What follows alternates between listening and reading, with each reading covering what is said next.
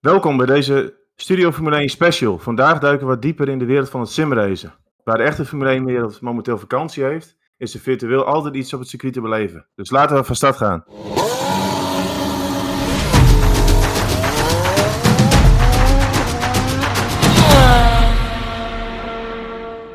Ja, welkom mannen. Uh, voor deze special uh, over het simracen hebben we even gekozen voor een andere samenstelling. Chris en ik uh, die zijn niet zo thuis in het, in het simracen. Roy en Marco wel. Uh, Roy en Marco, kunnen jullie eens uitleggen wat, nou precies simrace eigenlijk inhoudt voor een leek? Voor een leek, ja, echt de meest simpele uh, vertaling is gewoon virtueel racen op een gameconsole of een computer. En dat is het heel, heel simpel gezegd. Maar het is verschrikkelijk breed. En we gaan zo meteen natuurlijk ook een beetje op de games en zo gaan we in. Uh, maar het is gewoon dat je je achter een beeldscherm enigszins coureur kan voelen.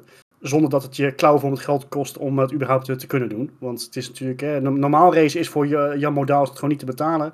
En uh, Simrace is tegenwoordig uh, nou, best wel bereikbaar. We gaan, uh, we gaan een beetje kijken hè, naar, naar wat je nodig hebt om het een beetje te kunnen doen. En het, je zult zien dat het nou, best bereikbaar is voor de meeste mensen. En dan kunnen ze zich toch een beetje, een beetje coureur voelen. Een beetje, ja, een beetje zich inleven in wat een, wat een coureur meemaakt. Ja, zeker. Ja, daar, daar zit er natuurlijk e-, echt wel verschil in, denk ik, qua games. Uh, kijk, wat, wat is voor jullie bijvoorbeeld echt het simracen? Want er zijn natuurlijk heel veel uh, race games. En vooral ja, tegenwoordig, hè, we zien ook coureurs die dat veel doen. Wat is voor jullie dan echt het simulatieracen? Wat, wat verstaan jullie daar dan onder? Binnen het simracen of binnen, binnen de virtuele racewereld bestaan eigenlijk twee à drie termen. Um, je, hebt, je, je hebt het arcade racing en dan, dan hebben we het echt over de duellen waarin de ja, natuurkundige wetten niet helemaal centraal staan, laten we het zo zeggen. En die... Mario Kart.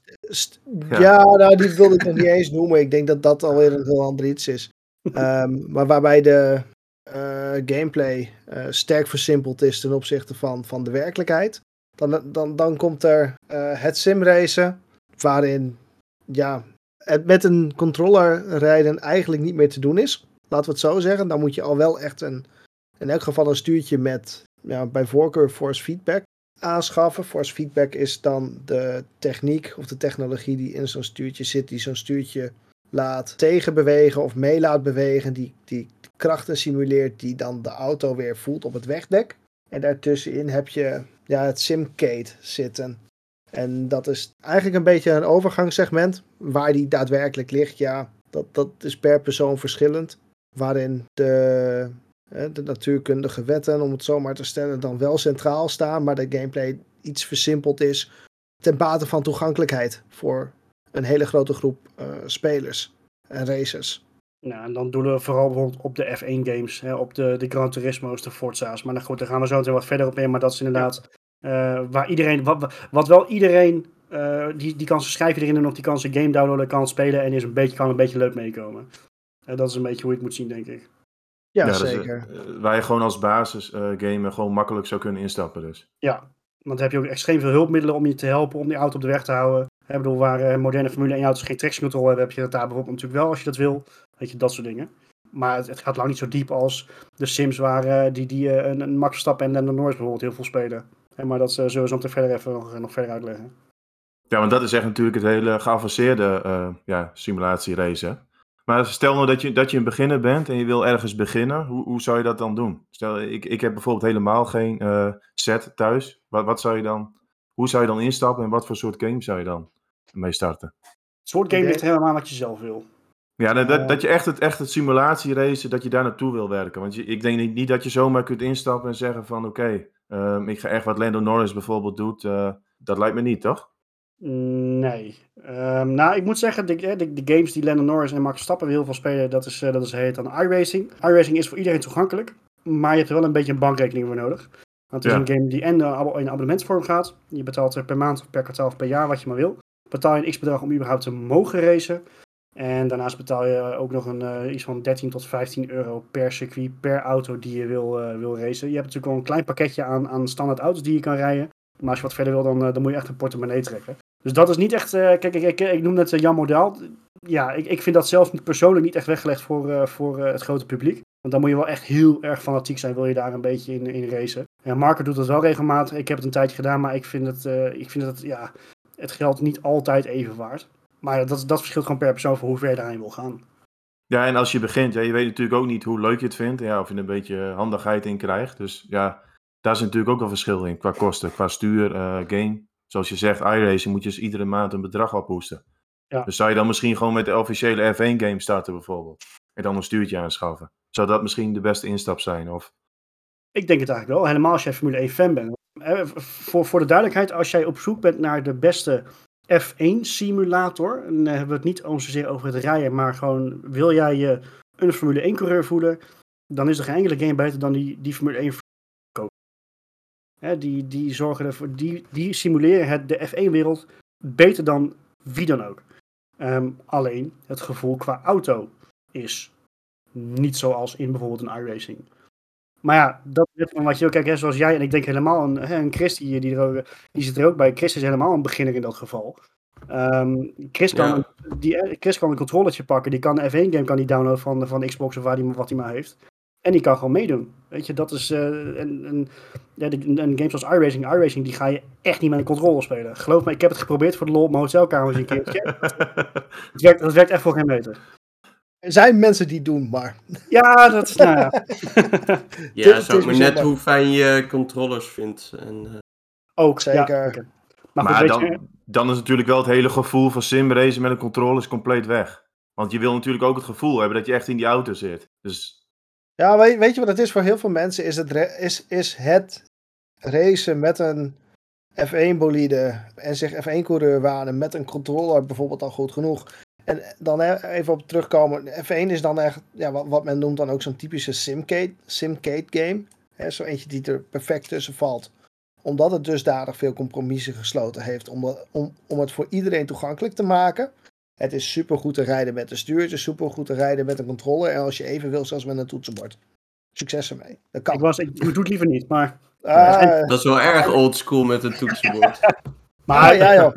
maar het is wel zo bij die F1-games. Als jij daar de, de moeilijkheidsgraad een beetje opschroeft en je zet alle hulpmiddelen zet je uit, is, het, is die echt wel pittig hoor. Het is, het is ook niet zo dat je, dat met twee, twee vingers in de neus rijdt.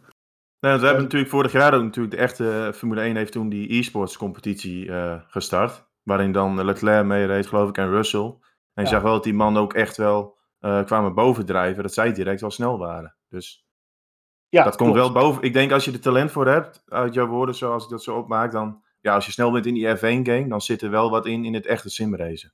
Je hebt dan wel een bepaalde basis nodig, denk ik. Ja, nou goed, en andersom werkt het ook. Hè. Er zijn ook echt wel jongens die, eh, die heel goed zijn in het simracen, die de stap hebben gemaakt naar het echte, het echte racen. En echt niet op, op extreem hoog niveau. Hè. Je, de- ik denk niet dat er eh, in, op, op korte termijn een simracer bijvoorbeeld de Formule 1 in zal gaan. Hè, dat, want daar komt natuurlijk veel meer bij kijken. Maar ik denk als jij in de echte sims goed bent, constant bent, geen fouten maakt en gewoon snel bent, dan kan je op het echte circuit kan je ook best wel wat laten zien, denk ik. Ben ik wel overtuigd. Ja, maar dat om vind ik ook wel. om te draaien. Hè. Weet je, we hebben inderdaad, wat je, wat je heel mooi aanstipt, is natuurlijk die F1-series van vorig jaar. Omdat hè, we konden niet rijden vanwege corona. En daar zag je ook gewoon letterlijk, elk, er was geen enkele echte F1-coureur die langzaam was. Nee, klopt. Nee, Weet je, nee, die, dat- die basis die zit erin. En dat is wat er zo belangrijk is. En wat, wat Roy net aangaf, hè, we zien dus eh simulatie, ja, simraces ook eh, naar de echte racewereld stappen. Er zit iemand, geloof ik, in de Porsche Cup. Ben even, is dat Rudy van Buren, geloof ik? Ja, in de Duitse Carrera, Carrera Cup. Ja, en die heeft de stap, geloof ik, gemaakt omdat hij opviel bij het simracen, toch? Eh, ja, klopt. Hij was eh meervoudig wereldkampioen voor mij inderdaad. En, eh, ja, klopt. Ja, dus dat is ook wel leuk. Kijk, karten kost natuurlijk echt bakken vol met geld. Maar als, als je dan vanuit die simracewereld die stap kunt maken, is natuurlijk qua kostenplaatje, ook voor jonge jongens tegenwoordig, is dat best wel interessant. En je hebt natuurlijk ook de Formule 1 teams, die kijken daar ook steeds meer naar. Tuurlijk. Natuurlijk, ja, nu recent ook een bericht dat, dat Ferrari dus een nieuwe simulator eh, heeft aangeschaft. En zij testen daar geloof ik ook echt coureurs in van, ja, wat is het niveau dan op die simulator? Nee, wanneer het echt begonnen is, is denk ik een jaartje of 7, 8 geleden. Een van de, ja, dat, wat dat ook wel weer een simcade game genoemd wordt, is, is Gran Turismo. En Gran Turismo heeft in een behoorlijke periode van tijd, hebben ze een bepaalde, volgens mij was het de Gran Turismo Academy of iets in die richting, Ja, klopt. hebben ze gehad. Waarin, nou ja, echt top simracers eh welkom waren, tegen elkaar mochten racen voor een, pla- voor een aantal stoeltjes in de echte racewereld. En een, een, van de meest, een van de meest grote stoeltjes die daar te behalen was, was een stoeltje in een Nissan LMP1-wagen. Die ging rijden op Le Mans. Voor de luisteraars die Amazon Prime hebben, er is een serie over die Le Mans gaande waarin een, een jongen, Jan Mardenborough, die via die weg binnengekomen is, die wordt daar onder meer in uitgelicht. Misschien wel leuk om te kijken of te volgen. Het is een en- serie van vier, vijf afleveringen, geloof ik. En Jan, die heeft nu echt wel. Jan is trouwens geen. Hij klinkt als Jan, maar het is een Engelsman. Hè, even voor de duidelijkheid. Ehm, Jan, die verdient echt wel, is echt wel zijn brood nu. Gewoon met een fabriekzitje bij Nissan nog steeds. Weet je, dus dat is. eh, en hij doet. Nog dat- steeds ook. ja, die rijdt nog steeds. Ja, zeker. Ja. En hij kan ook echt goed meekomen. Kon hij direct al. Dus vanuit, die, vanuit de Gran Turismo Academy kon hij direct al goed meekomen toen hij in een echte auto stapte. Of? Ja, volgens mij Had wel. Uh, het, hij, wa- hij, was, hij was niet onverdienstelijk. Hij heeft echt meerdere grote races gereden. Onder andere een, eh, ook de Nürburgring 24 uur gereden. Waar hij trouwens een hele smerige crash had. En volgens mij is daar zelfs iemand bij om het leven gekomen. Toeschouwer. Was eh, niet zijn fout. Ja, een toeschouwer geloof ik. Maar het eh, hij is geen verdienstelijk coureur. En dat is dan toch omdat je vanuit het simracen, daar kan je een bepaalde basis opbouwen. Die je mee kan nemen naar het, nou ja, naar het daadwerkelijk simracen. Ja, Ja, ja, want vroeger werd het echt gezien als een spelletje. Ik, ik heb bijvoorbeeld laatst ook een bericht gelezen van Ricciardo die aangaf van ja, ik moet toch misschien ook wat meer met het simracen doen. Want hij ziet gewoon mannen als Norris Verstappen, dat die daar ook echt wel beter van worden. houd je scherp. Weet je, want je, bent toch. Mentaal word je wel getraind. En ik weet nog van. ehm, eh, Max heeft natuurlijk. Max Verstappen heeft toen die klapper gehad in Silverstone. En het weekend daarna, als ik me goed kan herinneren, had hij de virtuele 24 uur van Spa-Francorchamps. Die heeft hij toen volgens mij mede gereden om toch zijn fitheid te testen. Hè, zowel mentaal als fysiek. Want je zit toch een paar uur nou zit je stil. Nou, de, de high-end stuurtjes eh, waar we zo op komen, die hebben echt behoorlijk veel kracht in, eh, in, in, in, eh, in het stuur zitten. Dus daar moet je echt wel sterk voor zijn om dat, om dat te kunnen doen. Dus het, het, ja, je wordt toch echt wel getraind. Het, is natuurlijk niet zoals het, echte, zoals het echte, echte wereldje. Maar waarom denk je dat die gasten van de Formule 1 teams eh, eh, ook zo ook urenlang per week doorbrengen in die sim? Waarom denk je dat, dat er gewoon coureurs zitten die voor mij echt eh 24-7 in die sim zitten eh, bij sommige teams? Het, het, ja, het doet wel wat. Ja, maar dat vind ik wel interessant. Kijk, die Formule 1 teams hebben denk ik nog weer andere eh, software. Of zijn die op een bepaalde game gebaseerd? Ik weet niet hoe het tegenwoordig zit. Er wordt niet meer heel erg veel over vrijgegeven. Ik weet dat Red Bull, die heeft, volgens mij is dat trouwens wel nog steeds zo. Red Bull die maakt gebruik in de basis van eh, de game R-Factor heet dat dan. Eh, Ja. Ik weet niet of zij ook op- op deeltje 2 inmiddels zitten. Alleen ja, die hebben zij dan weer keer 10 geavanceerd dan. Eh, maar de basis is gewoon een sim, R-Factor, die je gewoon via Steam kunt, de, de, de, de game webshop Steam kunt kopen. Ehm, die is ook voor iedereen toegankelijk. En die rijdt ook als een tierenlier. Maar ja, weet je, wat zij daar hebben staan, dat kunnen wij geen van allen eh, met z'n allen nooit betalen. weet je, dat, dat, dat is een feit. Maar dat ze er zo geheimzinnig over zijn, dat zegt misschien ook wel wat. Dat geeft ook wel belang voor die Formule 1 teams aan dan voor het simracen. Want, want ik begrijp ook dat ze eh, setups, dat, dat testen ze ook gewoon in de simulator. En daarmee hebben ze zo'n basis voor het circuit, geloof ik. Klopt. Voor zover ik het in ieder geval weet wel. Kijk, tegenwoordig eh, is het zo dat volgens mij hoeven zij op de, als ze eenmaal op het circuit aankomen, hoeven zij qua setup volgens mij zo goed als niks meer aan te passen. Eh, de basis waarmee zij komen, dat is alleen een beetje fine-tunen. En dat komt inderdaad omdat die sims gewoon zo extreem geavanceerd zijn. En dat, dat komt echt niet in de buurt van wat jij en ik, eh, ook al hebben wij een, een, een topsalaris, zelfs dan kunnen wij dat echt eh, by far niet, niet binnenhalen. Nee, ze zullen die kennis natuurlijk ook voor zichzelf willen houden. Als zij, een, als zij een betere simulator hebben, ga ik vanuit. Dat lijkt me wel. Dus voor mij is, pin me er niet op vast, maar volgens mij zijn er ook eigenlijk weinig teams die daar echt heel open, open ook over zijn op social media bijvoorbeeld. Die hè, filmpjes laten zien van hoe hun sim werkt. Red Bull is daar een tijdje wel heel open over geweest, maar dat is tegenwoordig ook heel veel minder. Ja. Ehm, dat klopt inderdaad wel wat je zegt. Maar Roy, jij hebt bijvoorbeeld ook wel echt een veel geavanceerdere eh, set nu staan. Merk, merk je daar dan ook verschil in, qua apparatuur? Ja, stuur, nou, daar, wat, wat- ja, voor een leek zoals ik, wat, wat merk je dan gewoon ehm, als je dan een race rijdt, digitaal? Nou, laten we wel vooropstellen, van dure apparatuur word je niet sneller. Punt. Print dat, alle luisteraars, print dat alsjeblieft in je oren. Van ga niet extreem veel geld uitgeven aan dure stuurtjes, want je wordt niet sneller van. Je wordt er wel, dat heb ik in ieder geval wel gemerkt, constanter van. En dat heeft gewoon te maken met wat Marco aan het begin ook uitlegde met force feedback. Eh, dat heb je wel gewoon, dat wat duurdere sturen hebben wat betere, gedetailleerdere force feedback. Ehm, ik, ik zal je een klein beetje erin meenemen van de keuzes die je hebt. Je hebt eigenlijk drie grote opties. Dat is de, ehm, een systeem met tandwielen. Dan heb je gewoon een, een, een base, een basis waar je stuur aan zit. Er zitten tandwielen in. Die zorgen voor de krachtoverbrenging. je hebt een basis, dat heeft Marco dan thuis staan, met, eh, met riemen. Eh, riemen die, die het stuur doen bewegen en tegendruk geven. En ik heb dan een set genomen, dat doe ik dan direct drive. En tot op de dag van vandaag snap ik nog steeds niet hoe het werkt. Maar het is wel extreem krachtig. Die, die van mij die heeft dan volgens mij iets van 20 newtonmeter aan, aan maximale kracht.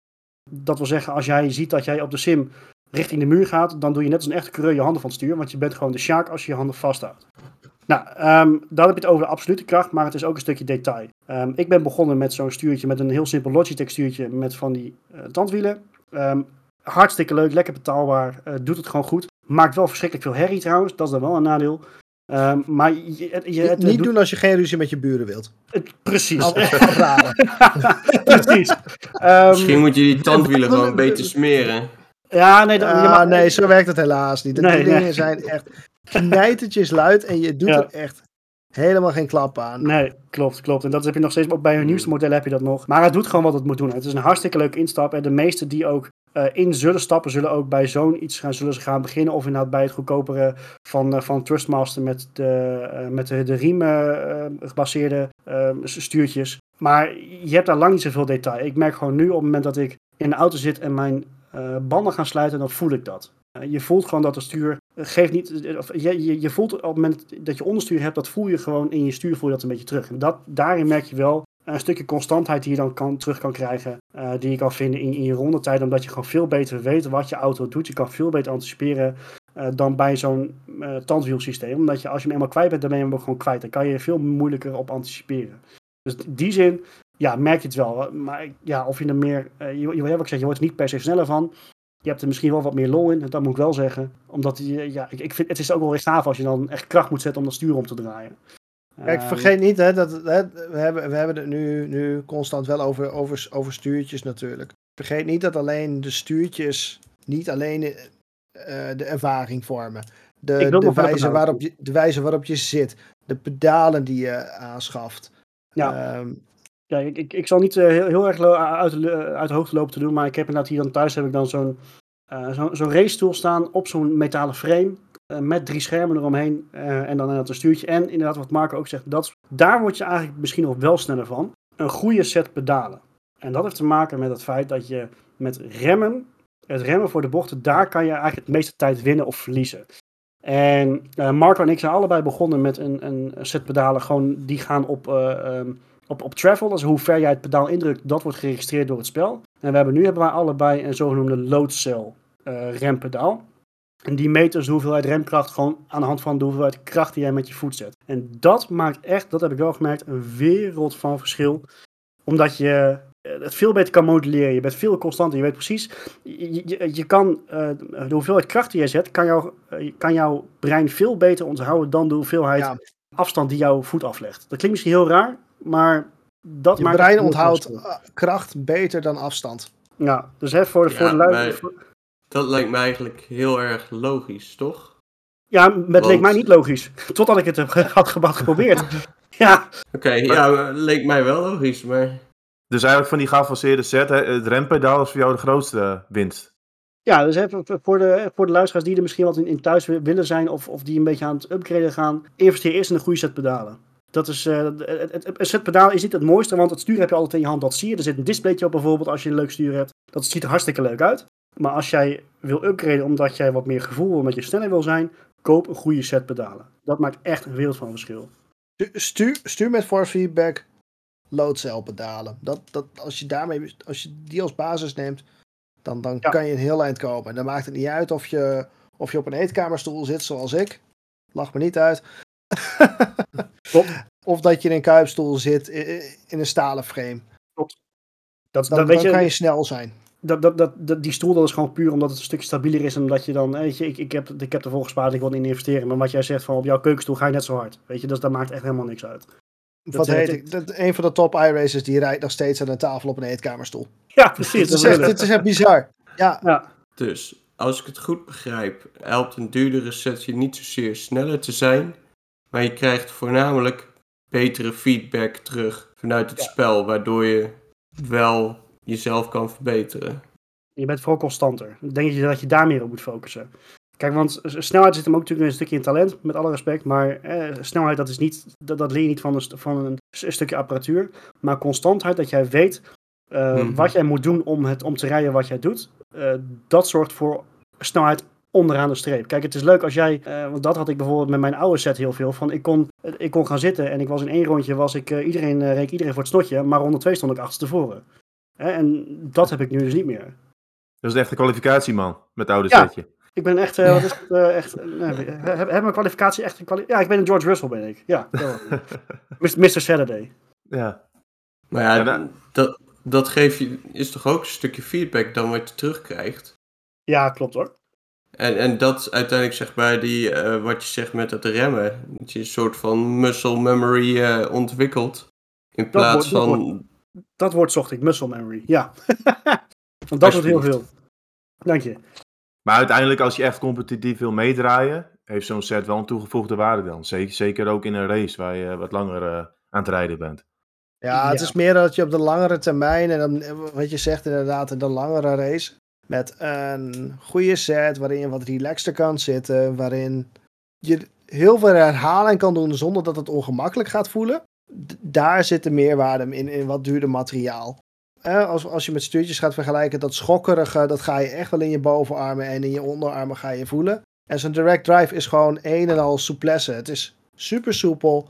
Het doet zijn ding en het voelt super natuurlijk. En je armen worden daar veel, veel minder vermoeid van. Ondanks dat er overigens veel meer krachten in zitten. Grappig genoeg. Ja, je moet hem wel goed afstellen, want ik had hem aan het begin aan dus, Tuurlijk. dus te zwaar staan. En dan ben je na een uur ben je wel gaar hoor. Precies. Hij krijgt wel sterke armen van. Ja, Ja. dat is dat. Popeye. Maar goed, als, je, als, als je dan echt een beetje een goede set hebt staan. Ja, op een gegeven moment wil je natuurlijk ook competitief meedraaien. Want je hebt natuurlijk Team Redline, waar Verstappen wel eens voor rijdt. Als je nou echt wil opvallen, en je- ja, wa- wat voor soort game ja, moet je eigenlijk dan kunnen onderscheiden? Hoe val je eigenlijk op? Maakt niet uit, eigenlijk. Nee, kijk, je hebt, eh, om het rijtje even af te gaan, je, met, met het Simcade heb je heel erg, dus de, en wat we zeggen, de Formule 1 games, de Forza Motorsport, niet Forza Horizon, want dat, zijn echt, dat is echt een compleet andere tak van sport. Eh Gran Turismo heb je dan, daar kan je het leuke doen, hè? Gran Turismo dan tegenwoordig, van Marco dat ook aangaf, van daar wordt nog steeds best Nog wel... op, steeds, eh, ja. Ja, daarom. Hè. Je hebt tegenwoordig heb je die nieuwste variant, eh, Gran Turismo Sport. Die gaat, eh, dat is nu zelfs een Olympische sport voor mij zelfs geworden, eh, begreep ik. Ja. Nou, weet je, daar kan je van zeggen wat je wil, maar het is gewoon fantastisch om te zien dat zoiets het wereldpubliek bereikt. bereikt. Hè, Dat is gewoon mooi. Maar wil je echt opvallen, dan moet je inderdaad naar eh, of iRacing, eh Assetto Corsa, dat is een hele populaire. Ehm, dan heb je dan zowel de normale Assetto Corsa als Assetto Corsa Competizione op zijn Italiaans. Ehm, maar dat is vooral GT3 en GT4 auto's. Dat moet dan net die ding zijn. Maar die game is echt fantastisch. Dat is echt eh, misschien wel... het belachelijk goed. Ja, precies. Eh, je hebt dan nog eh, Race Room Racing Experience heet dat. Nou, die is eh, veel minder populair, maar Marco en ik zijn er allebei stiekem wel heel erg fan van. Je hebt een heel ander aanbod aan auto's. Het is veel meer Duits georiënteerd. Dus je hebt ook oude DTM-wagens bijvoorbeeld. Du- Duits-Europees vooral, ja, denk ik. ja, klopt, klopt.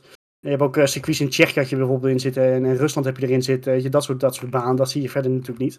Maar goed, je hebt een veel minder groot publiek, dus als je daar wil opvallen, ja, het heeft niet zoveel zin, want je hebt gewoon een veel, veel kleinere player base, om het zo te noemen. En je, en je hebt dan een R-Factor. En R-Factor is eigenlijk tot op heden nog steeds degene geweest, eh, of R-Factor 2 dan eigenlijk, eh, zo, dat is dan een nieuwe versie, nieuwste versie is nog steeds degene die het grootste evenement, het grootste simrace evenement ooit heeft georganiseerd. Want je hebt natuurlijk vorig jaar, omdat Ah, eh, ja. Hele corona- mooie. hè, met corona heb je natuurlijk vorig jaar eh, ging de 24 uur van Le Mans niet door op de, op de afgesproken datum. En toen hebben we dus een virtuele 24 uur van Le Mans gehad met echt allemaal topcoureurs. Echt de mensen die in, die in het echt Le Mans rijden, hebben ook meegedaan. En dat, dat, dat was echt wel zo goed geweest voor, de, voor het simrace wereldje. Ja. Ehm, en die game, dat, dat, dat, dat, als je het ook bijvoorbeeld aan een Max Stappen of Lennon Norris vraagt, en vooral Max Stappen is daar best wel open in. Die zegt ook altijd van, R-Factor 2 is nog steeds de beste sim qua hè, physics. Hij weet natuurlijk hoe, als geen ander hoe, hoe het voelt. Hij zegt ook, R-Factor 2 is de allerbeste sim die er is. Alleen het online gedeelte van R-Factor is gewoon bagger. Om het even heel erg netjes te zeggen. Kijk, weet je wat het, weet je wat het, wat het punt is? Eh, voor veel mensen zal het toch zijn. Je, wil, eh, je hebt een vrije avond, je wil even een, paar, eh, je wil even een leuke race rijden en, Juist. niet te veel moeite instoppen. Dat, dat wil bij een R-Factor niet. Je moet eerst echt uren gaan oefenen voordat je een auto een beetje onder de knie krijgt. Voordat je de ins en outs van zo'n circuit een beetje kent. Dus en en Ja. daarom is het absoluut niet, niet weggelegd om, om te beginnen met sim als Maar- die. Maar dat Maar is de- bij iRacing ook zo. Bij iRacing kan je ook niet zomaar even instappen en meedoen. Alleen er is natuurlijk bij iRacing heb je veel meer mogelijkheden om in een server te komen. Hè, bij Ja, maar dat is het verschil ook. In iRacing heb je gewoon om het uur of elk uur heb je een race van een klasse waar jij, waar jij je prettig bij voelt. Je oefent een half uur tot een uurtje en dan kan je ook een race rijden van, nou ja, tussen de 15 en de 45 minuten bijvoorbeeld. Of als je het heel gek wil doen, uren. Wat heet. Ja. De echte endurance races worden daarin ook gesimuleerd. Vergelijkbaar met onder andere de 24 uur van Le Mans. Kan je ook in teams rijden. Ja. En het, het, het probleem wat een R-Factor bijvoorbeeld heeft, is... Het, he- ja, het heeft wel open lobby's, maar het heeft een niet zo'n georganiseerde structuur als dat een iRacing heeft. Of sinds kort Race Room Racing Experience. Nee, klopt. Of, en vind ik altijd, dat, dat vind ik altijd een hele mooie graadmeter. Gran Turismo Sport bijvoorbeeld, voor de mensen die het toch wat toegankelijker zoeken voor een hele leuke simracer. Ja, klopt. Maar, maar ook, ook de F1-games, weet je, als jij, eh, als Ja. de service van Codemasters, moet ik erbij zeggen, als de service van Codemasters het doen, dan kan je de F1-game kan je opstarten. Je zegt van quick join en je zit, zo zit je in een race. Dat kost je twee minuten van je tijd, denk ik. Echter hebben de open lobby's, zoals jij het ook noemt, de open lobby's van de F1-games, hebben een beetje een reputatie dat ze nogal verschrikkelijk zijn. Omdat je daar, je, je rijdt daar nergens voor, dus je kan, wordt in de eerste bocht word je afgebeukt. Ja, je wordt gewoon af, afgecowboyd inderdaad. Ja. Ja, je hebt ook offline heb je natuurlijk eh, af en toe leuke wedstrijden met F1 games. Roy, jij hebt in het verleden natuurlijk een keer tegen Max Verstappen gereden. Misschien heel, voor de luisteraar ook wel, wel een leuk verhaal. Dat jij meedeed aan een competitie van, wat was het, Bauhaus? Of nee, van de Hornbach. Hornbach? Ik weet niet of ik het mag zeggen, ik ben niet gesponsord, maar ehm, eh, in, een, in een heel ver verleden, toen, eh, toen Max nog bij Toro Rosso reed, toen was er een, eh, in elke bouwmarkt, elke locatie stond er dan zo'n sim. Dan mocht je rondetijd neerzetten en als je dan de snelste was van, eh, van, de, van het filiaal, dan mocht je dan eerst naar zo'n eh, halve finale en toen naar de finale. En ik heb het toen geschopt eh, in, de, tegen, in, in de finale, nou, wa- waar je dan tegen Max Verstappen dan rijdt. Ook tegen bijvoorbeeld een Bono Huis. Die reed ook mee. Nou goed, Bono Huis die heeft, die kan inmiddels zijn brood verdienen met Simrace ook. Die is nu, zit nu bij Mercedes onder contract. Dus dat geeft wel even aan dus hoe ver je dus kan gaan komen. Bono Huis had toen ook gewonnen. Max was toen tweede geworden en ik was derde. Maar dat was dus gewoon op de normale F1 game. F1 2014 was dat toen zelfs nog. En dat was echt absoluut geen sim. Maar, maar dat, dat vond ik dus heel gaaf om te zien. Van Max Verstappen, ik heb het dan dat het daarna ook nog eventjes eh, gevraagd. Ik heb met Max Verstappen gepraat. Ehm, heb ik hem. Ik vroeg, ik, ik vroeg- nee, maar ik vroeg hem echt zo. Ik zei van, speel jij deze wel? Hij zei van, nee, ik vind het eigenlijk ook helemaal niks. Dus ik heb het even twee uurtjes gedaan, zodat ik een beetje weet hoe het werkt. En, eh, en vervolgens eh, weet ik niet. Maar goed, vervolgens rijdt hij dus wel gewoon bijna iedereen aan het snotje. En, en Bono Huis, die reed ook niet bij hem weg. Weet je, dus dat geeft dus wel aan van, eh, hij heeft daar echt wel talent voor. Hij, eh, ja, hij, wat hij, vindt die game helemaal niet leuk. Hij speelt hem nooit. En toch is hij gewoon bloedje snel vanaf moment 1. Dat vind ik dan wel weer heel knap hoor. Ja. Ik denk toch wel dat een aantal mensen in Nederland jaloers zullen zijn. Dus het was, is wel leuk dat je gewoon echt tegen Max Verstappen die dag gereden hebt. Ja, zeker. Dat ga, dat die ga ik het nooit meer vergeten die dag. Dat, dat, kon, dat kon toen nog, hè, toen hij nog niet zo groot was.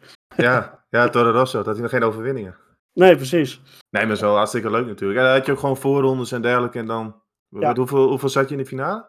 Eh, zes uit mijn hoofd. De, de, de halve finale was iets van 20. En dan moest je een eh, top 5. Er was een time trial dan op, eh, op Spa. Had je twee of drie rondjes. En de top 5 die je snelste ronde had gezet, die we gingen door naar de finale. En ik had toen de tweede tijd volgens mij. En toen hadden we een race op Brazilië. En die, eh, nou, dat, dat vind ik sowieso een baan van niks. Maar goed, dat, eh, dat is mijn mening. Om te rijden. om, om, niet om te zien, maar om, te rijden, om, om zelf te rijden. Dus, Als het, eh, als het op Spa was, had je gewonnen die dag. eh, nee, ik, ben, ik, schijnbaar altijd wel goed op Monaco op een of andere manier. Maar ik weet niet hoe dat komt. Nee, maar, Dan kan er toch niemand langs. eh. Nee, precies. en ik ben, Nee, Mr. oh. ik, ben, ik ben Mr. Saturday, hè, dus dan rij je gewoon vooraan en dan kan niemand meer langs. Maar Thomas, we- je zegt dan zelf wel dat jij er minder kaas van gegeten hebt. Je hebt op, jij hebt op een blauwe maandag volgens mij ook nog op een F1-game eh, een top 10 tijd op Spa neergezet, zeg ik even uit mijn hoofd, of niet? Ja, dat was ooit van Gamer 101 TV, geloof ik. Ik denk dat het F1 2010 was. Was ook zo'n beetje mijn laatste game die ik echt serieus gespeeld heb. En dan moest je op televisie, dus dat werd uitgezonden later. Ja, met acht man eh kon je dan 250 euro verdienen, geloof ik. En dan zat je de hele middag op, op zo'n sim met drie schermen. En dat weet ik ook nog wel. Toen ik dan terug moest rijden van, eh, van die uitzending. Ja, ik, ik zag gewoon wazig voor mijn ogen. Dus dat vroeg ik me ook wel af, met, met schermen en dergelijke. Ehm, Roy, ik weet van jou dat je ook dus meerdere schermen om je heen hebt. Ik weet Mhm. van die dag dat ik echt, ja, ik zat drie uur, zat ik daar te racen. En ik werd echt op een gegeven moment gewoon wazig voor mijn ogen. Dus Klopt, maar die techniek, de, ten eerste is die techniek heel erg veranderd. De, de F1-games zijn heel erg, en helemaal die oude F1-games zijn heel slecht afgesteld op eh, drie schermen. Ja, Maar je, hebt er tegenwoordig heel veel settings van. Hè? Vooral de, de, eh, de moderne, echt de, de high-end sims, hè? dus de iRacings en de, Assetto Corsa bijvoorbeeld.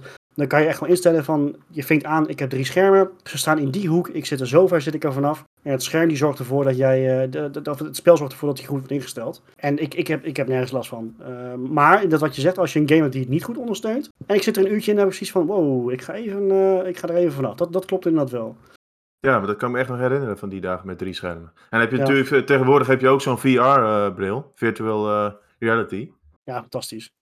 Ah, echt, echt verschrikkelijk vet. Maar heeft dat ook echt de toekomst volgens jullie? Want dan, ik heb het wel Mar- bij Marco even een kwartiertje geprobeerd. Ja, dat ziet er wel heel anders uit. Dan is het echt alsof je in die auto zit. Je Ja, kijkt om eh, je heen. Ik zweer erbij. Niet, niet voor elke klasse en niet voor elk type race. Bij iRacing ehm rij ik specifiek onder meer een LMP2-klasse, een Dallara P217. eh, waar ook de jongens van Jumbo de Le Mans straks mee gaan rijden. Ik rijd die exclusief in VR. En ik heb ook wel races in GT3-wagens gedaan van drie uur lang met een VR-bril op. Dat laatste raad ik niet per se iedereen aan. Dat is vrij heftig voor het brein. Maar wat ik wel denk is dat VR de toekomst heeft als het gaat om simrace. En dat heeft er meer mee te maken met hoe toegankelijk het tegenwoordig eh, begint te worden. Een VR-bril kan je halen voor, wat is het, 2, 250 van Marktplaats. En ondanks dat de grafische kwaliteit daar niet extreem goed van is, van, van een wat goedkoper setje, de ervaring is onmiskenbaar. Klopt. En dat heeft er puur mee te maken. Je zit daadwerkelijk in die auto. Je hebt het gevoel dat je een echt stuur vast hebt, ondanks dat het niet echt is. De eerste keer dat ik dat bij Roy testte, overigens, want ik zat in een formulebak, geloof ik. Ja, voor de drie En ik dacht echt dat ik mijn arm op de sidepod kon leggen om om me heen te kijken, om achter me te kijken, omdat ik dacht dat ik anders uit die auto kiepte. Dat was echt heel, het was heel raar. Maar die ervaring is, voor de mensen die, die het racegevoel echt willen hebben, is, is dat de bovenste plank. Beter dan dat gaat het denk ik niet worden. Ja, toch ben ik het niet met je eens. Nee, Maar, nee, ik, nee, ik nee, denk dat- het ook niet, maar Nou, het is niet. eh, Marco heeft wel helemaal gelijk van eh, qua gevoel, qua ehm, eh, dichterbij naar dat kom je echt niet. Ja, je hebt dan nog de, die simulatoren die je, als je heel veel geld op thuis kan bouwen, die echt meebeweegt. Dat is dan nog weer de overtreffende trap. Ja, ja, ja. Maar dat qua, qua, qua eh, immersie, zeg maar, is er niks boven virtual reality. Echter blijft het probleem voor heel veel mensen motion sickness. Dus dat jij misselijk wordt omdat jij, jij zit stil, maar alles om jou heen beweegt en jouw lichaam kan zich daar niet op eh, instellen. Moet ik wel zeggen, met de brillen van tegenwoordig is dat heel veel minder, want ik had er ook extreem veel last van en met die bril die Marco en ik dan hebben, eh, niet. Maar voor heel veel mensen zal dat toch een probleem blijven, dat ze niet op heel lang dat kunnen doen. Dus het- in zekere zin ben ik met je eens, het, kan de eh, het, het, het is de toekomst, Eh mits de ontwikkelaars er ook in willen blijven investeren. Eh maar het is niet voor iedereen weggelegd, zowel financieel niet als dus eh, qua gezondheid. Ja, ik denk dat het ook, zeg maar, ik heb dan ook even mogen ervaren bij, eh, bij Marco, maar het beeld zit zo dichtbij. Op een gegeven moment wordt je haast schil van het kijken. Omdat die glazen En dicht op je ik- oog zitten, bedoel je? Ja, dat denk ik. Ja, het, het, het, het lastige met een VR-bril is, is dat die voor iedereen persoonlijk afgesteld moet worden. De glazen en de afstand tussen de twee glazen, die kan onderling nog weer afgesteld worden. Het zou maar net zo goed kunnen zijn dat dat bij jou niet zo zou staan zoals het zou moeten staan. Dat, dat kan een enorm eh, verschil in ervaring maken. Ik denk ook dat het de tijd nodig heeft om te moeten wennen. Ja, dat ook. Ik weet nog wel, de Dat- eerste keer dat ik het testte was ik kotsmisselijk. Of dat was van het eten, of dat was eh, eh, echt omdat het de eerste keer was en het behoorlijk heftig was. Dus ja, het heeft wel tijd nodig. Ik durf ook niet per se te zeggen dat je er sneller van wordt overigens hoor. Ehm, ik moet wel zeggen dat ik iets meer een gevoel heb waar, waar mijn rempunten beter zitten. Maar echt sneller weet ik niet. Misschien wel iets consistenter. Omdat je continu op dezelfde plek weet waar je zit. Omdat je op de continu op dezelfde plek weet waar je instuurpunt zit. Je hebt iets meer een gevoel voor wat er om je heen speelt. Ik, ik, ben, ik weet niet of jij dat kan beamen, maar ik ben wel echt vele malen beter in gevecht met anderen. Ja, nou ja, dat onder meer. Ja, Ja, maar denk je je dan bent je niet veel meer dat dat... bewust van je positie. Ja, dat. Maar je hebt veel betere eh, situational awareness. Ja, absoluut. Dat, Maar is, is dat ook echt de richting, eh, ja, de toekomst waar, waar de developers dan naartoe willen werken? VR of ja, hoe zien jullie dat? Eh, de toekomst van het, van het simrace eigenlijk. Want je ziet nou vooral in coronatijd, heeft het ook echt wel een ontwikkeling eh, gemaakt. Je ziet veel meer mensen doen. Eh, rijders die dan eh, streamen bijvoorbeeld. Hoe kijken jullie daar tegenaan?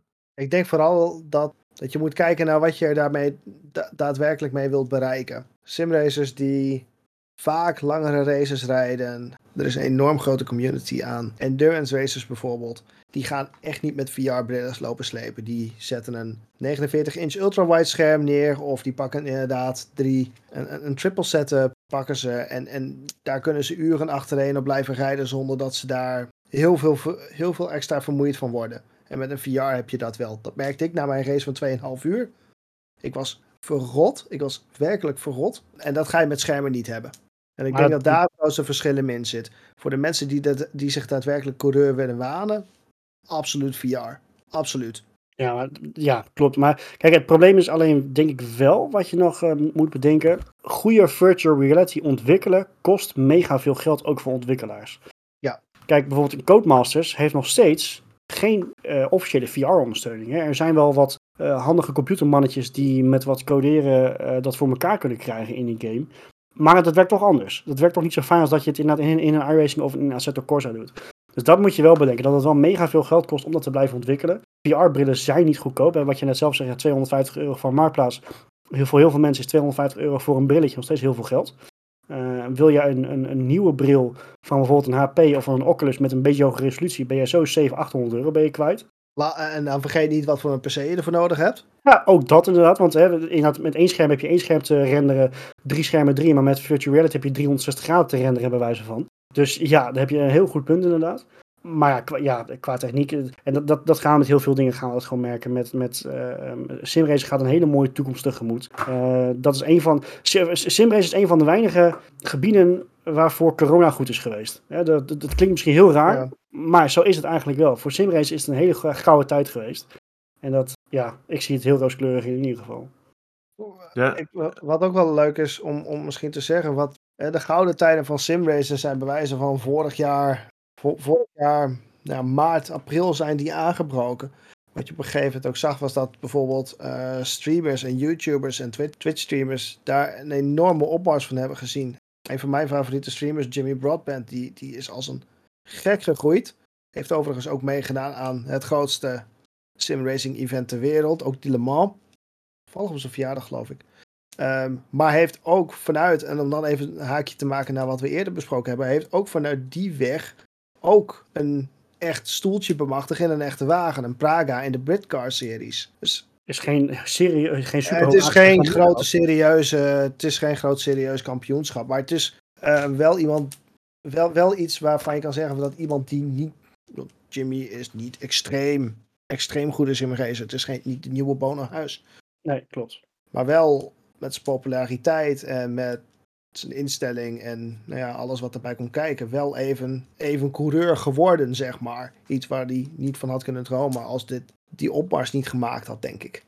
Maar, maar voor de toekomst? Ja, want je praat nu over, natuurlijk, je hebt content creators en eh, echt serieuze simracers die echt competitief eh, dingen willen winnen en dergelijke.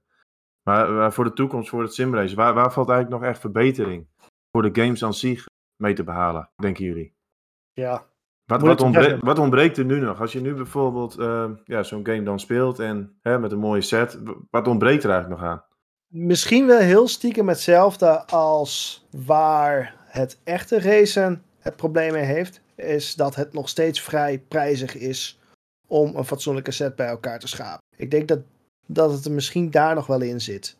en dat zal je blij- blijven houden, denk ik. dat zal je zeker blijven houden, maar dat het toch altijd een, een, ja, een kleinere markt zal bereiken dan dat je eh, met een normale game zal bereiken, om het zo maar te stellen. Het, het blijft een niche-markt wat dat betreft. Ja, Ja, en de ruimte natuurlijk in je huis. Je moet Ja. geen ruzie krijgen met je vrouw. Dat neemt wel enig ruimte in beslag ook, als je echt een ik, serieuze ik, set ik wil. zeg niks. Nou, nee, kijk, maar dat- eh, jokes aside natuurlijk. Hè, voor, voor jullie beeld, ik heb natuurlijk een, een kamertje van, wat is het? 2,5 bij 4, 5? 5 denk ik. Waarin ik op een eetkamerstoel en een stalen frame mijn stuur heb gemonteerd. En daar twee soms drie avonden per week even een aantal uurtjes op aan het rijden ben. Dat neemt verschrikkelijk veel ruimte in. Er staat hier nog een kledingkast in de ruimte van de vrouw. Ja, die, die, ik sta in de weg of die kast staat in de weg. Het is maar je het wil zien. Maar dat, ja, ruimte is wel een dingetje. En als je kijkt naar wat voor een set Roy heeft, dat, dat, dat zal bij mij bijvoorbeeld bijna niet gaan passen. In je huidige situatie niet, nee, klopt. Dat weet je, Nee, daar- daar- daar en dat zal bij veel mensen die, die daarmee willen beginnen, dat zijn toch vaak, dat zijn toch vaak tieners of, of eh, jongvolwassenen die daarmee willen beginnen. En Ja, maar goed, ik, ik heb het ook acht jaar lang of tien jaar lang met een, een stuurtje aan mijn bureau geklemd gedaan. En heb ik ook ja, van genoten. precies, het kan, je, het kan wel. ja, Dat, ja, en da- daar moet je ook van genieten. Dat, dat- weet je, het, het racen blijft eigenlijk gewoon hetzelfde. Kijk, ik heb nu misschien, ik voel me misschien nu net, net iets meer coureur bij wijze van dat ik dan zo'n ding heb staan. Maar toen ik mijn stuurtje aan mijn bureau klemde, genoot ik er eigenlijk net zoveel van. Weet je, dus dat, dat, tuurlijk. daar moet, je het, ook- daar moet je het niet om doen. Kijk, ik denk wel, om nog eventjes terug te komen op Thomas' vraag van waar kan in verbeterd worden nog. Eh, in de games is wel nog het een en ander te verbeteren. Kijk, wij als echte plebs hebben niks te zeggen over hoe een echte auto voelt. En we weten hoe onze eigen koekblikjes op de weg voelen, maar dat is het dan ook. Een game waarin ze in dat geval heel erg veel naar, naar kunnen kijken, in mijn ogen. Dat is misschien, die, sommigen van jullie kennen wel. Dat heet dan Beam NG Drive. Dat is meer een, een, ja, een physics simulator, om het maar zo te noemen, dan een echte race simulator. Maar daar kan je, kunnen ontwikkelaars nog heel veel van leren over wat een, een chassis van een auto doet bij bepaalde bewegingen. Hè. Je, je hebt in, in die game echt, als jij over een curbstone rijdt, dat je echt die chassis, eh, dat het chassis van je auto flext, hè, dat die beweegt. Dat zit in heel veel sims die wij spelen, zit dat niet. Het, het, het schademodel, dat elke tik die jij krijgt, dat dat een kleine vervorming geeft in, jou, in jouw eh, bodywork, dat zit daarin. Dat zit in heel veel sims niet. Daar heb je heel veel winst nog in te behalen. En, en verder, ja, het, het is gewoon, de, de, de, de tijd zal daarin, of de, de techniek gaat daarin gewoon mee met zijn tijd, denk ik. Eh, zoals een iRacing eh, is, is qua gevoel best goed, alleen qua eh, graphics is het gewoon ja, niet goed. Weet je, daar lopen zij bijvoorbeeld in achter. Assetto Corsa, hè, vooral die competitionen, is, is qua beeld om je vingers bij af te likken. Eh, dus iedereen heeft daar ook weer zijn eigen sterke en, zwakke punten in. Maar dat is gewoon iets waar ik zeg, de, techniek gaat daar gewoon mee met zijn tijd, denk ik. Dat gaan we gewoon zien. Ja, dat zie, dat zie je natuurlijk in het algemeen wel. Wat ik overigens ook nog wel een interessante vind, eh, zijn de circuits. Ik kan me van vroeger herinneren, rond 2000, dat ik wel eens een F1-game deed. En het circuit leek dan eigenlijk af en toe echt voor geen meter op het echte circuit. Maar dat, dat heeft natuurlijk ook een enorme ontwikkeling ondergaan. Ja, ligt aan welke game je speelt. Maar bijvoorbeeld bij iRacing heeft, eh, is er alle circuits zijn laser gescand. En dan gaan ze, hoe dat precies in zijn werk gaat, weet ik ook nog steeds niet. Maar eh, eh, die is echt tot op de millimeter precies, is dat gewoon gescand. En eh, ehm, alle hobbels die in het echte circuit zitten, zitten ook in, in de sim. Maar ja, bijvoorbeeld die F1 games, daar is dat volgens mij nog steeds niet zo. Die maken ze gewoon op basis van tienduizenden foto's. Komt ook Ja. wel in de buurt, maar het is toch anders. Maar het laser gescannen, dat is echt wel, het komt dichtst in de buurt bij, de, ja, bij het echte circuit. Ja, dat is eigenlijk wat- niet van echt onderscheiden volgens mij. Nou, wat dat laserscanner voornamelijk doet, is eh, ze zetten volgens mij van die, ja, van die laserscanners, die zetten ze op willekeurige plekken op het circuit neer. En die scannen letterlijk elk, ik weet niet wat voor hoedanigheid het is. Het zal wel elke centimeter in track surface zijn, waardoor elke bobbel die daadwerkelijk daar op het, op het echte circuit zit, ook daadwerkelijk in de, in de sim zit. Om de echte breedte, de echte lengte en de echte ja, surface van het circuit daadwerkelijk in in een game te implementeren. En dat is bijvoorbeeld iets waar één groot kritiekpunt bijvoorbeeld weer zit bij de F1 games bijvoorbeeld. Dat ondanks dat ze een extreem grote playerbase hebben, ze nog steeds niet de eh, tijd en geld willen investeren om bijvoorbeeld circuits te gaan laser scannen. Het zal ook wat te maken hebben met dat de physics engine ook wat beperkter is ten opzichte van de echte sim. Dat het dan niet nodig is. Maar het zijn wel van die kritiekpunten die bijvoorbeeld een, een, een F1-game krijgt. Ja, maar ja, is het daardoor een slechte game? Nee. Nee, dat wil ik niet zeggen. Ik, dat- absoluut niet. Ik denk dat het in, in wat het doet heel erg goed is. Maar het zijn wel, hè, het zijn, hè, wat ik zeg, het zijn de kritiekpunten die het dan aangedragen krijgt vanuit nou ja, mensen die wel heel graag een, tussen aanhalingstekens, een echte F1-sim zouden willen. Waar, nou ja, mensen bewijzen van niet meer geholpen worden, om het zo maar te zeggen, om een goede tijd te hebben. Ja, maar het is sowieso natuurlijk heel interessant hoe die ontwikkeling ook gegaan is. Als we naar het verleden kijken, dat ja, circuits leken toen echt niet. En nu zie je ook dat eh, echte coureurs, als ze naar een nieuw circuit gaan, eerst even de simulator flink gaan oefenen. En dan weten ze ongeveer de rempunten al. Ja. Dat is natuurlijk ook heel handig tegenwoordig. Dat zullen ze nu waarschijnlijk bijvoorbeeld bij Zandvoort gaan, zullen ze dat gaan doen. Hè? We gaan natuurlijk naar Zandvoort over twee of drie weken. Ehm, die zit in eh, heel veel sims zit hij wel, alleen niet de allernieuwste versie zoals hij nu is met de kopbocht en dergelijke. De teams hebben die echt al lang in de simulator zitten tot op de millimeter precies. Ehm, Absoluut. als, als de coureurs in, in VT1, stel dat het droog is, de pits uitgaan, in ronde 2 zullen zij vol gas gaan. Of vol gas, maar hè. Eh, je zult ze niet zien dat ze heel rustig gaan. Oh, waar zit mijn rempunt? Waar zit dit? Nee, die, die weten hem echt tot op hun duimpje, weten ze hem al. Ja, dus dat geeft de, ja, de relevantie natuurlijk ook wel aan van het simrace tegenwoordig. Dat je Ja, dat soort precies dat. Het, het simrace, maar ook gewoon het gebruik van de simulator bij de F1-teams. Kijk, je kan ervan vinden wat je wil, want het is dan heel erg... eh, voor elk scenario hebben ze dan weer een plan, hebben ze al staan. Daar kan je van vinden wat je wil, hè, want we weten ook, we- wij weten ook op het moment dat jij een weekend hebt waarin de vrije trainingen zijn weggespoeld of niet door zijn gegaan, weet ik veel wat. Dan heb je toch een vaak, vaak een iets, iets wat ja, on- eh, onvoorspelbare race, omdat de teams geen data hebben. Maar die data hebben ze wel nog steeds altijd van de simulatoren. Dus ja, maar dat, dat zal ook alleen maar erger worden, denk ik. Eh, je hebt nu wel dat ze het windtunnelgebruik eh, hebben ze natuurlijk heel erg beperkt dit jaar.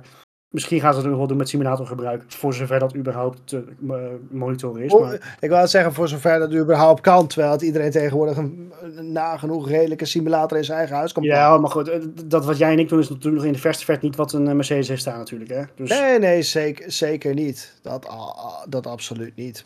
Nee, maar in theorie kun je het natuurlijk gewoon in een huis plaatsen. Wat ze hebben staan. Bij wijze in van. theorie. Nou, Moet moet je wel wel een groot huis hebben. Ja. nee, maar goed, omdat... Ah, maar die, dat hebben die coureurs wel. Oh, Ja. die zijn groot genoeg. Nee, om dat te omzeilen. Maar ja, wat je zegt, kijk, ze leggen nu inderdaad windtunnelrestricties op. Maar eh, ja, tussen neus en lippen door lees je al van, ja, die teams die zijn steeds meer gewoon met computersimulaties bezig tegenwoordig. Ja. Ja, dat zijn dingen die, die letterlijk vanuit een huiskamer te doen zijn en niet te stoppen zijn. Daar, daar kan geen maat op gesteld worden. Laten we heel eerlijk zijn. Ja, dat is natuurlijk ook wel die correlatie die je misschien dan af en toe leest. Van ja, eh, dat is ook maar hoe goed de simulator is. Hoe beter die is, hoe betere correlatie je met echt circuit hebt, denk ik. Nou ja, uiteindelijk is het toch volgens mij ook geen garantie. Want je hoorde ook van Hamilton dat hij een aantal dingen had geprobeerd in de simulator. En dat het toch in het- op het circuit niet zo uitpakte. Dat risico loop je altijd. Dat is... Da- en dat is waarom het een simulator is en niet de, niet de werkelijkheid is. Het, is. het is misschien een open deur intrappen, maar het is wel wat het is. Ja, zeker. Maar zeg maar, het, ondanks dat nou ja, jullie net zeggen van dat het steeds meer gaat gebeuren, het, het is geen garantiemiddel. Nee, Nee, maar die nauwkeurigheid, die zal wel, wel toenemen, denk ik. Ik denk dat jullie vooral daarop doelen. ja. Dat de nauwkeurigheid van, van simulator naar echt circuit, dat dat steeds eh, dichter bij elkaar komt te liggen. Ja, zeker. het is ook niet meer weg te denken uit deze tijd. Hè? Nee, voorkom je ook niet. Daarom zeg ik, die techniek die gaat alleen, wordt alleen maar beter. Gaat gewoon met zijn tijd mee. Klopt. En als je het niet doet, eh, loop je alleen nog maar sneller achter. Ja, daarom Ja. Teams, teams moeten ook investeren. Kijk naar Ferrari, die, die weet ik hoeveel miljoen eh, euro aan hun nieuwe simulator gaat uitgeven. Hè. Dat is ook wat het nieuws geweest de laatste tijd. En die gaan eh, voor, voor, voor mij willen ze die dan voor volgend jaar willen ze die dan eh, in gebruik gaan nemen. Dat ding, dat ding is, is een mega investering, maar die heeft dan eh, een, een latentie van 3 tot 5 duizendste van een seconde. Waar dat bij andere teams tussen de 20 en 30.000 ligt. Nu is dat voor eh, ons vieren is dat echt totaal niet te merken. Maar een coureur die voelt dat wel in, in, in zijn kont. Die, eh, als hij eh, in, in, in een simulator dat verschil heeft, die kan, dat is, is voor een coureur echt een profcoureur het verschil tussen de auto kunnen opvangen of niet. Dus weet je, dat, ja, dat is gewoon Maar ik wou haast zeggen leven of dood, maar daar komt het Ja. min of meer wel op neer uiteindelijk. bijna wel, ja. ja. Ja. Dus weet je, dat, het, het is gewoon ja, logisch dat dat gebeurt. Ja, dat, Ja, en, en, en toch vraag ik me af hoe ver ten opzichte van de consumer sim, om het zo maar te zeggen, de sims van ja, de profteams verder gaan liggen dan, hè, dan, dan, dan, dan de consumer sims. Ik denk dat dat verschil steeds dichter bij elkaar gaat liggen met de technologie die mogelijk is. Dat denk ik echt. Misschien. Nou, ik, ik zou het graag een keer willen proberen. Dus eh, Formule 1 team, als jullie luisteren, no- nodig ons een keertje uit. Ja, dan kom je erachter. Ja, Dat is bij Ja. één manier om erachter te komen, denk ik. ja. Nou goed, ik, ik denk dat we heel veel aspecten van het simrace eh, eh, behandeld hebben, deze podcast. Eh, dan ben ik wel benieuwd, Roy en Marco. Wat- Wat, wat maakt het voor jullie eigenlijk zo leuk, dat, dat simracen? Is, is dat echt ja, het, voel- het gevoel met de auto? Of ja, tegenwoordig online racen, dat je een ander net uitremt? Of ja, wa- waar zit voor jullie de grootste lol in eigenlijk? Voor mij zit het hem voornamelijk in het competitieve aspect. Het, ik speel het ook meer met het idee van het is een soort van, het is een soort van sport. En ik ben echt niet super goed. Maar ik vind het wel leuk om in een race te stappen, een race te rijden. En aan het eind van die, nou, van die drie kwartier bijvoorbeeld te zeggen van... joh, ik ben op avontuur geweest. De races die ik het meeste rijd, dat zijn multiclass IMSA races. Ehm, waarbij ik met twee of drie verschillende klassen op het circuit rij. Dus ook te maken heb met verkeer. En, en dat is gewoon een enorm avontuur voor 45 minuten lang. Omdat je bezig bent met auto's ontwijken. Ondertussen ben je bezig met je race. Ik vind het fantastisch. Het, is- ja, ik, ik, ik kan niet anders zeggen. Ja, nee, duidelijk. Eh, en, en voor Roy? Wat? is gewoon ontspanning. Gewoon het feit dat je jezelf even coureur kan voelen. Dat je maar wel even. Ik, ik ben altijd gewoon even van de wereld als ik het doe. Even, even bij mezelf. En, en competitieve aspect. Ik ben, ik ben niet zo van het online race als Marco. Ik speel heel graag gewoon lekker offline. Of ik doe een beetje time trial om mijn eigen tijden te verbeteren. Ik, eh, maar dat heeft meer gewoon met een stukje com- commitment te maken aan bepaalde tijden. Eh, ik, wil- ik wil racen wanneer ik dat wil. En niet wanneer de, de, het internet dat wil. Nee, nee. Maar het is voor mij gewoon puur ontspanning. Ik voel me echt eventjes dan een soort van coureur zo, zo dichtbij als dat je kan komen. En het is, eh, ja, weet je, het is, een, het is echt een hobby. Eh, een hobby waar je in kan verdiepen. Nou, dat dat vind oude gelopen hobby vaak, hè? Dat wel, Emiel wel, ja, dat klopt. Ja, hobby's kosten alle hobby's zo, toch? Ja, Ah, uiteindelijk, als je je hobby goed beoefent, dan is hij altijd uit de klauwen gelopen, denk ik. ja, zeker. Nee, maar dat vind ik eigenlijk ook wel weer grappig dan. Eh, jullie doen allebei wel het simracen, maar voor Roy is dat weer heel anders dan voor Marco eigenlijk. Roy zegt echt van ik wil mezelf verbeteren en qua tijden. En Marco die zegt van ik vind het echt leuk om online eh, de competitie op te zoeken met anderen. Ja. En dat, dat is juist het mooie van het simrace. Iedereen kan doen zoals hij, hij, hij of zij wil. Er, er zit, er Iemand, zit iemand geen- kan zich F1-coureur wanen en, Ja. en weet het, een, een, singleplayer carrière spelen in de, in de nieuwste F1-game. Nou, hoe Daarom. mooi is dat? je- Voor iedereen is wat wils. Je hebt geen instructieboekje wat je moet doen. Je kan doen wat je zelf wil en dat is het mooie ervan. Je hebt Precies. zoveel vrijheid. Er is niemand die je gaat vertellen, oh nee, je moet online racen. Oh Nee. je, van, je mag geen F1-game racen, want het is zogenaamd geen echte sim. Niemand doet dat. Nee, daarom. Ja, dat is heel laagdrempelig natuurlijk. Ja goed, eh, ik het was is op het niveau dat je zelf zou willen. Zo Ja. simpel Ja. is het. En met, Ja, was- met de insteek die je zelf wilt. Ja, daarom was ik wel benieuwd wat voor jullie nou echt eh, ja, de insteek eh, daarin is. Nou goed, dan denk ik dat we ja, eigenlijk het, het simracen waardig besproken hebben. Hebben jullie nog misschien nabranders? Chris? Nee, ik, eh, ik ben eigenlijk wel benieuwd om dit vaker een keer te doen. Ik denk dat het wel een mooi enthousiasmerend verhaal is hierover. Heb jij volgende week ook een simrace setje staan. Eh allicht. Even kijken waar ik die... eh, misschien past die nog op het balkon. Dat zou kunnen. Eh, Ja, nee, dan denk ik dat we alles wel, eh, wel besproken hebben. Luisteraars, mochten jullie nog vragen hebben over het simracen, dat kan op onze Twitter, Studio Formule 1. Ja, en dan wil ik jullie bedanken voor het luisteren.